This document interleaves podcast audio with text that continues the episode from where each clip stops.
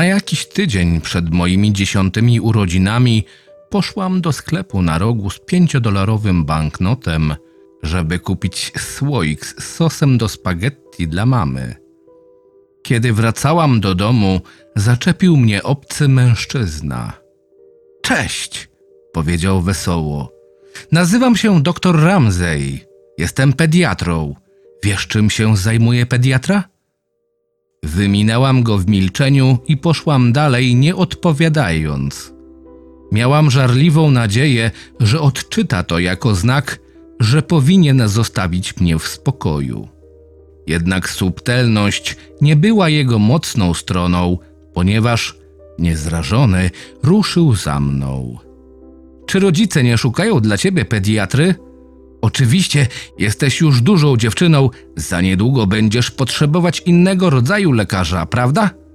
To w porządku, wciąż cię mogą później do mnie przyprowadzać. Jak masz na imię? Twoje włosy są śliczne. Właśnie szedłem do sklepu kupić lizaki do słoika stojącego w moim gabinecie.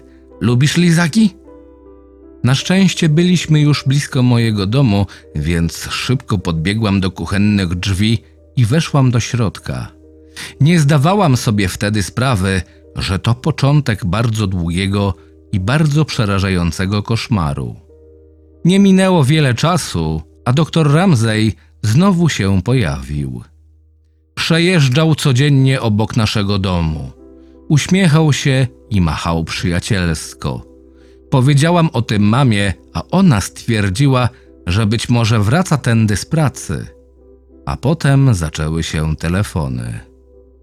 Tata zawołał mnie do salonu i zapytał o dzień, w którym spotkałam doktora Ramzeja po raz pierwszy.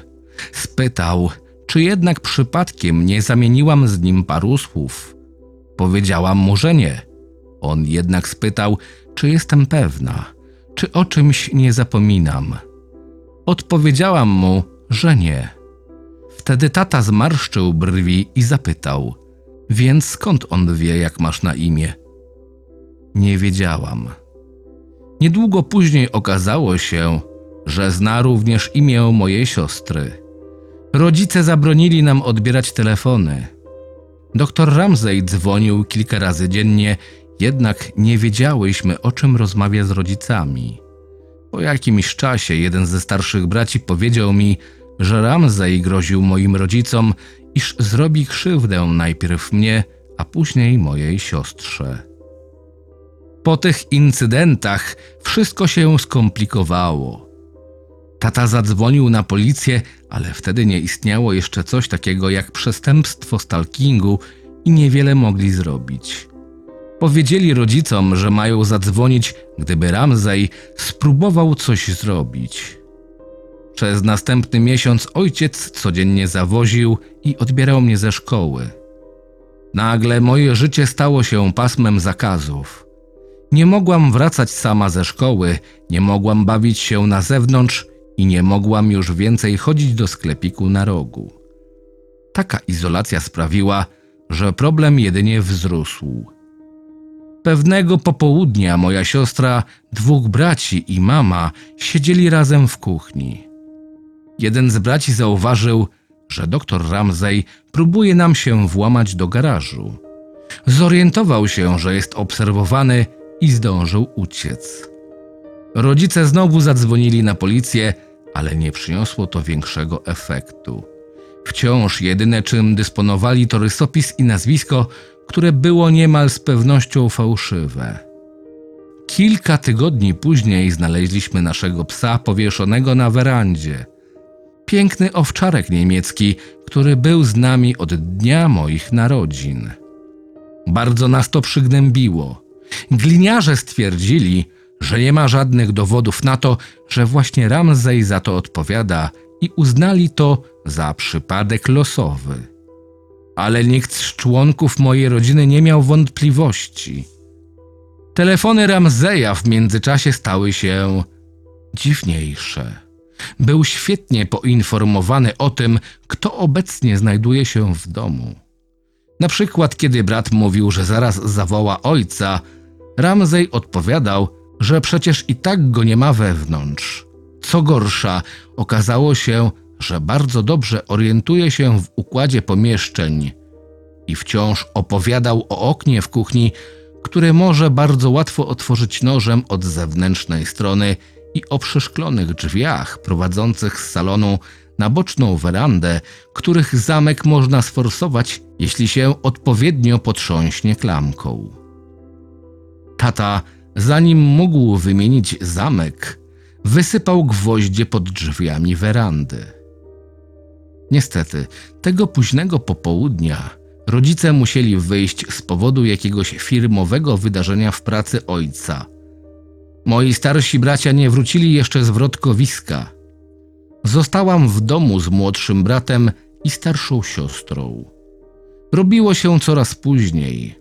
Brat smacznie drzemał na podłodze, siostra rozmawiała z przyjaciółką przez telefon, a ja oglądałam telewizję.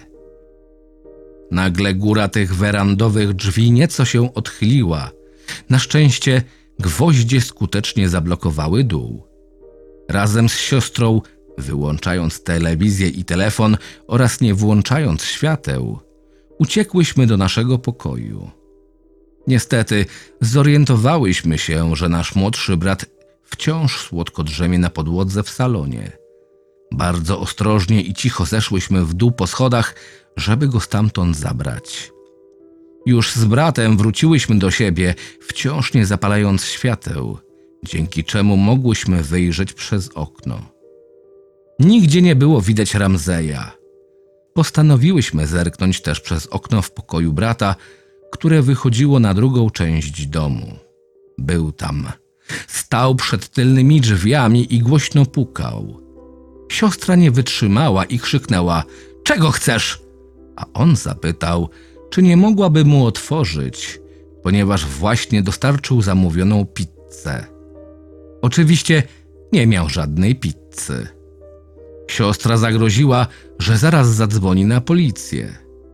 Po paru minutach odszedł. Niedługo potem moi bracia wrócili do domu. Opowiedziałyśmy im, co się wydarzyło.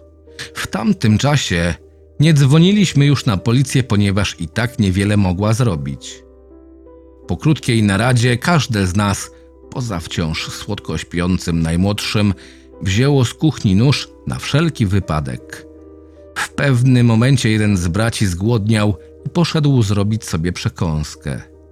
Na pewno znacie to uczucie, że jesteście obserwowani. Tknięty nim brat wyjrzał przez kuchenne okno i zobaczył na werandzie uśmiechającego się do niego Ramzeja. Zanim brat zdążył zrobić cokolwiek, już go nie było. Kolejnego wieczora graliśmy wszyscy razem w grę planszową. Jeden z braci był wyraźnie zmęczony i poddenerwowany. Siostra spytała go, co się z nim dzieje.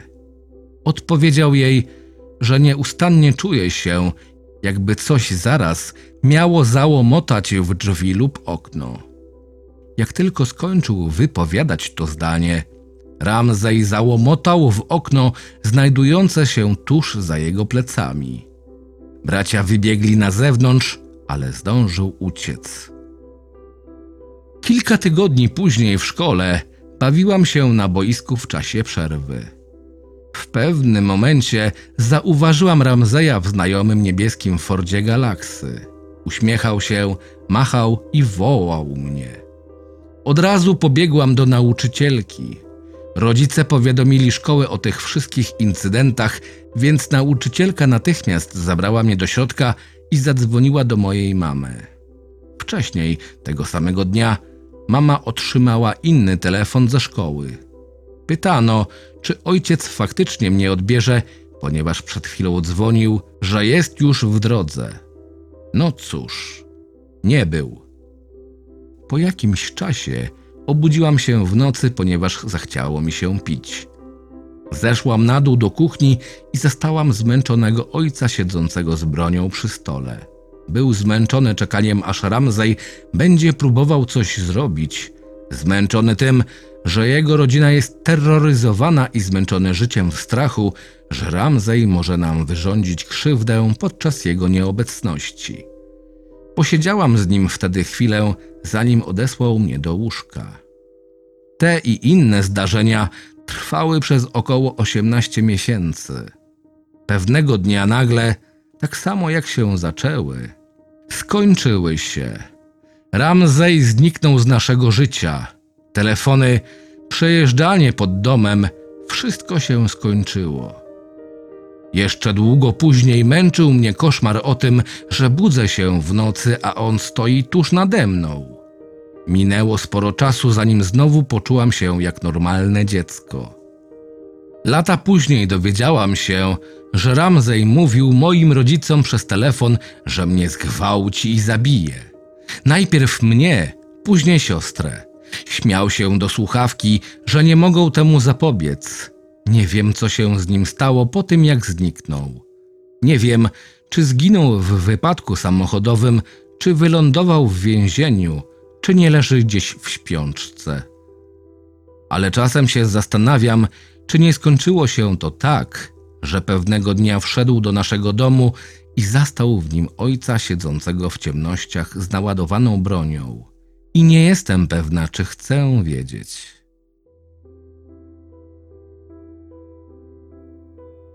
Autor Sweet Mercy z Reddit. Tłumaczenie Złe sny rabina z wykop.pl Czytał Krystian Kieś. Zapraszam do subskrypcji mojego kanału.